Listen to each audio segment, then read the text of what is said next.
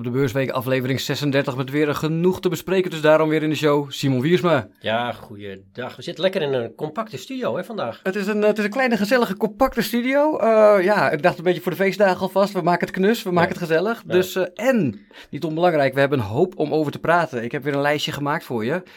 Um, om te beginnen, ja, Black Friday komt eraan, uh, maar olie in de, ik wil, in de bonus wil ik niet zeggen, in de korting, maar de prijs gaat omlaag. Ja, de olie uh, is natuurlijk een uh, bijzondere uh, ontwikkeling wat we hebben gezien. Um, laten we even terugblikken. in de zomermaanden een flinke stijging van de olieprijs, juist omdat de OPEC plus landen, waaronder Saudi-Arabië en Rusland, vasthielden aan die productiebeperking tot en met eind dit jaar. Dat was een beetje onverwacht.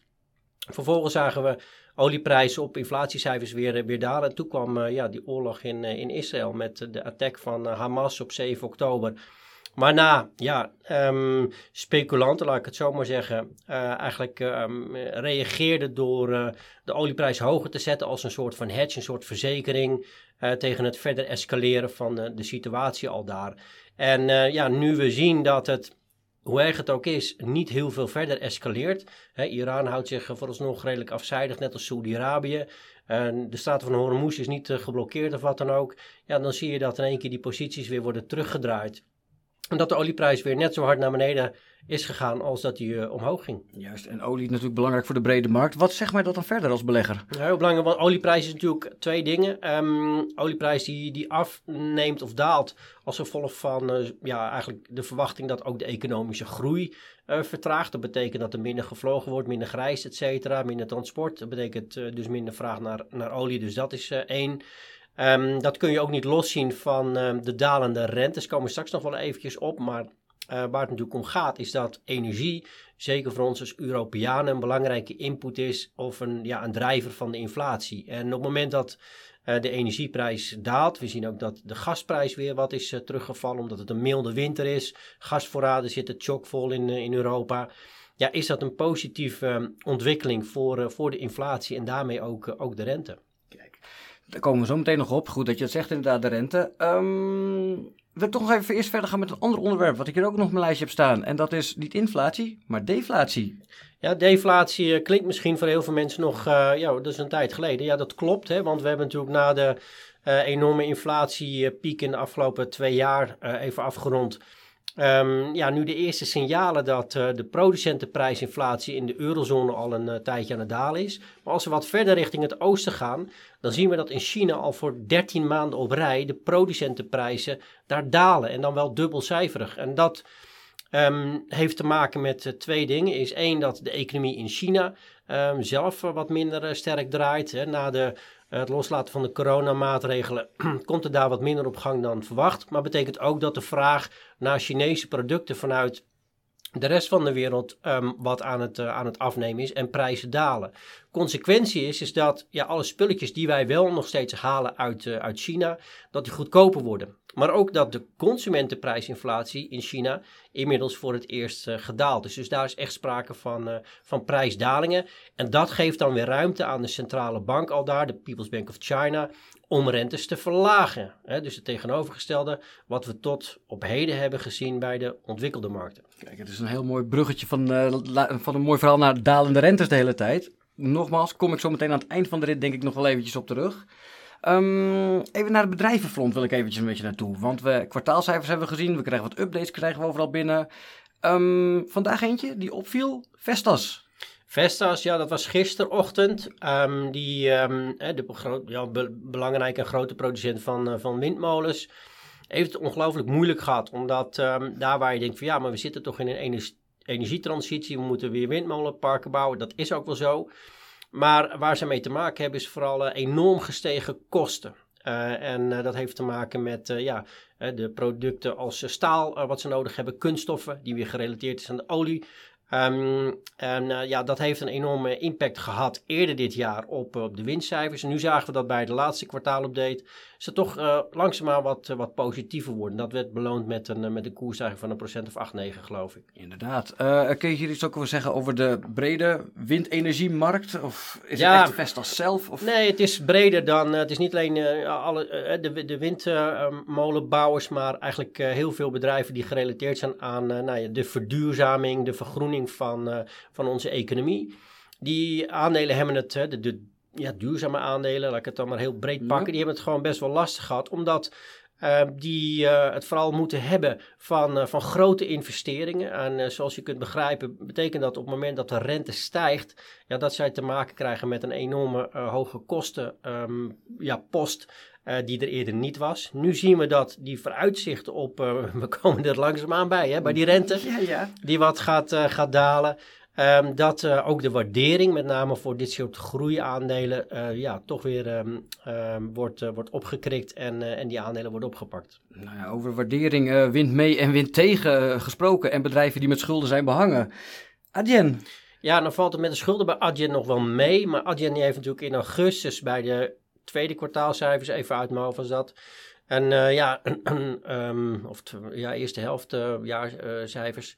Um, tegenvallend um, gerapporteerd. En dat kwam een beetje als uh, ja, donderslag bij heldere hemel uh, voor heel veel beleggers. Er werd toen uh, het aandeel ook afgestraft met een koersdaling van meer dan 50%, echt ongekend. om vervolgens gisteravond bij een, ja, een beleggersdag in, in Amerika, ik dacht San Francisco, dat ze dat deden, met een ja, toch wat positieve noot te komen. En het bedrijf heeft wel hun groeiambities ietsjes bijgesteld naar wat reëlere um, prognoses. En ja, dat werd beloond gisteren al met een koersstijging van meer dan 30% op de Amerikaanse beurs. Voor de ADR's, voor de techneuten onder ons, hè, de American Deposit Receipts, de aandelen die nagenoteerd zijn. En vanochtend en vandaag ook met een uh, koersstijging van meer dan 30% hier. Het aandeel staat overigens nog wel fors uh, onder water hè, dit jaar. Dus het is een, uh, een correctie op ja, op een correctie, laat ik het zo maar noemen. Ja, maar we kunnen wel stellen dat de meer realistische bril, dat die goed valt bij de markt. Ja, absoluut. En ik denk dat dat ook um, zaak is. Hè? Zeker op het moment dat beleggers echt wel kritisch gaan kijken naar de kostenkant van bedrijven. Ook naar hè, wat ze betalen aan, aan rente, maar ook bijvoorbeeld het aannemen van nieuw personeel. Uh, ja, dat ze daar uh, heel kritisch op zijn. En terecht. En uh, dat is nu ook wel doorgedrongen in, in de kopjes van de, nou ja, de financiële bestuurders van het bedrijf Adyen in dit geval. Dat zien we ook gewoon op de markt. Adyen rallied. Nou ja, dan komen we er toch, hè? De eindejaarsrally. Maar inderdaad, eerst eventjes dalende rentes. Ja, dalende rentes. En um, ja, het thema natuurlijk in de afgelopen twee jaar natuurlijk veel langer, want is een van de belangrijkste pijlers onder de financiële markt. De liquiditeit, oftewel de, de prijs van geld, de hoeveelheid geld wat beschikbaar is. Uh, we hebben rentes zien, uh, zien stijgen in een, uh, in een moordend tempo. Um, aangezwengeld door de centrale banken die in recordtempo de geldkraan hebben dichtgedraaid. En daar lijkt nu echt wel een einde aan gekomen te zijn. En dat is een enorm belangrijk um, ja, gegeven. We hebben de laatste renteverhoging van de Fed even uit mijn hoofd in juli gezien. Um, wat was de ECB was in augustus volgens mij. En de Bank of England heeft er nog eentje in september uh, gedaan. Maar ja, die zijn er nu wel klaar mee. En uh, die zien dat de inflatie langzaamaan de goede kant op beweegt, naar beneden. Desinflatie, we zitten nog niet helemaal op de targets zoals ze die nastreven, maar we gaan wel die kant op. En dat wordt nu eigenlijk door meerdere kanten bevestigd. Gisteren was het bijvoorbeeld de hoofdeconoom van de Bank of England. Die voorspelde dat ja, het niet ondenkbaar is dat de Bank of England, waar de inflatienotebene op dit moment nog een van de hoogste is in de wereld, um, wellicht alweer eh, de rente gaat verlagen. Ja, en dat um, begint ook door te dringen in, in de markt. Waarbij we zien nu dat de eerste renteverlaging door de ECB en de Fed voor juni volgend jaar uh, voorzichtig al worden ingeprijsd. En dat maakt natuurlijk een enorm verschil. Niet alleen voor obligatiebeleggers die met dalende rentes koersen zien stijgen, hè, want die bewegen tegenovergesteld aan elkaar. Maar betekent ook dat de waardering van risicovollere beleggingscategorieën, waaronder aandelen, dat die weer wat omhoog kunnen. En dat is uh, ja, positief nieuws. Dat is positief nieuws voor beleggers. Um, dat is wel inderdaad, je zei eerste halfjaar volgend jaar, hè, moeten we het dan over hebben. Ja, ja de, eerste, de verwachting. Ja, de verwachting is nu voor juni. Als je kijkt naar onze uh, collega-econoom van ING Research, die denkt al dat de eerste renteverlaging door de Fed in het eerste kwartaal van volgend jaar gaat plaatsvinden. Dat lijkt op dit moment een beetje opportunistisch als we kijken naar de macrocijfers, uh, maar is ook weer niet helemaal uh, uitgesloten. We gaan het allemaal meemaken, Simon. Um, Die rally. Marelli, maar Ja. eindejaarsrally. Iets dichter bij huis, of dichter bij de kalender dan inderdaad. Eindejaarsrally. Ja, nou ja, ik, ik, zie- ik zie al eh, wat eh, berichten op eh, Bloomberg verschijnen. Is die Santa Claus Rally, zoals die Amerikanen dat dan zo mooi noemen, eh, zit die eraan te komen? Nou, sterker nog, als je goed hebt opgelet, we zitten daar volgens mij al in. Want het is heel lang geleden dat we voor de S&P 500-index acht dagen lang op rij hogere noteringen hebben gezien. Dat komt overigens wel iets meer voor, of vaker voor dan dat je misschien eh, zou denken. Ik heb even niet eh, uit mijn hoofd die, eh, eh, het lijstje, Eh, maar ik zag er vanmiddag voorbij komen.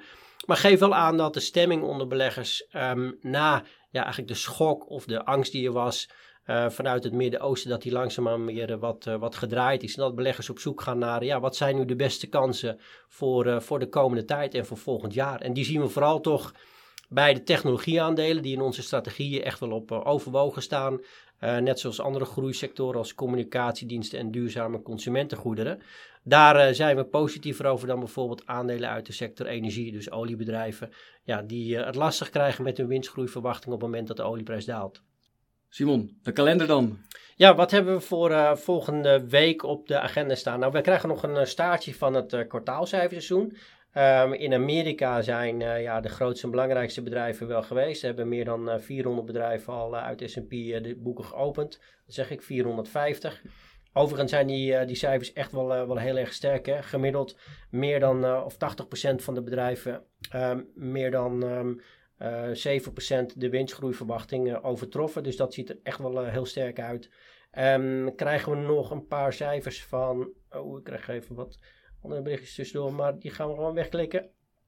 En dan zit ik te kijken naar bijvoorbeeld ehm, dinsdag hebben we nog Home Depot, hè, de, nou ja, de grote doe-het-zelver in, eh, in Amerika. Ehm, belangrijk om naar te kijken hoe het gaat met die Amerikaanse consument eh, en de huizenmarkt. Tencent krijgen we woensdag. Ja, wat is het? De Chinese spelletjes Ja, aanbieder, hè? game, game aanbieder. Donderdag hebben we nog Egon, Target, dat is ook een Amerikaanse supermarktketen, Siemens in, eh, in Europa en Alibaba. Eh, dan hebben we al Singles Day gehad, hè? Singles Day, 11 november. Ja, ik ben geen single, grote- dus ik weet het niet meer. Nee, ik eh. ook niet, maar Singles Day is 4 keer 1, 11, eh, 11. Ah, oké, en ehm, dat is in, eh, in China eh, ja, de dag waarop Alibaba eh omzetrecords waarschijnlijk weer gaat breken. Die komt dan op de 16e met, eh, eh, met cijfers, net als Walmart ehm, op die dag. Dus daar kijken we naar. En eh, ja, qua macrocijfers, dan eh, zou ik het ehm, ja, willen beperken tot het belangrijkste komende week. En dat is aanstaande dinsdag. Ehm, zeg ik uit mijn hoofd. Even spieken. Ehm, dat is inderdaad dinsdag, want dan krijgen we de eh, inflatiecijfers uit Amerika voor de maand oktober. En ja, die geven dan de rentemarkt weer, weer richting. En daarmee ook richting aan de rest van de financiële markt. Simon, we gaan het weer meemaken komende week. Zin in. Ik spreek je volgende week. Wij spreken elkaar volgende week, hè. Hoi. hoi.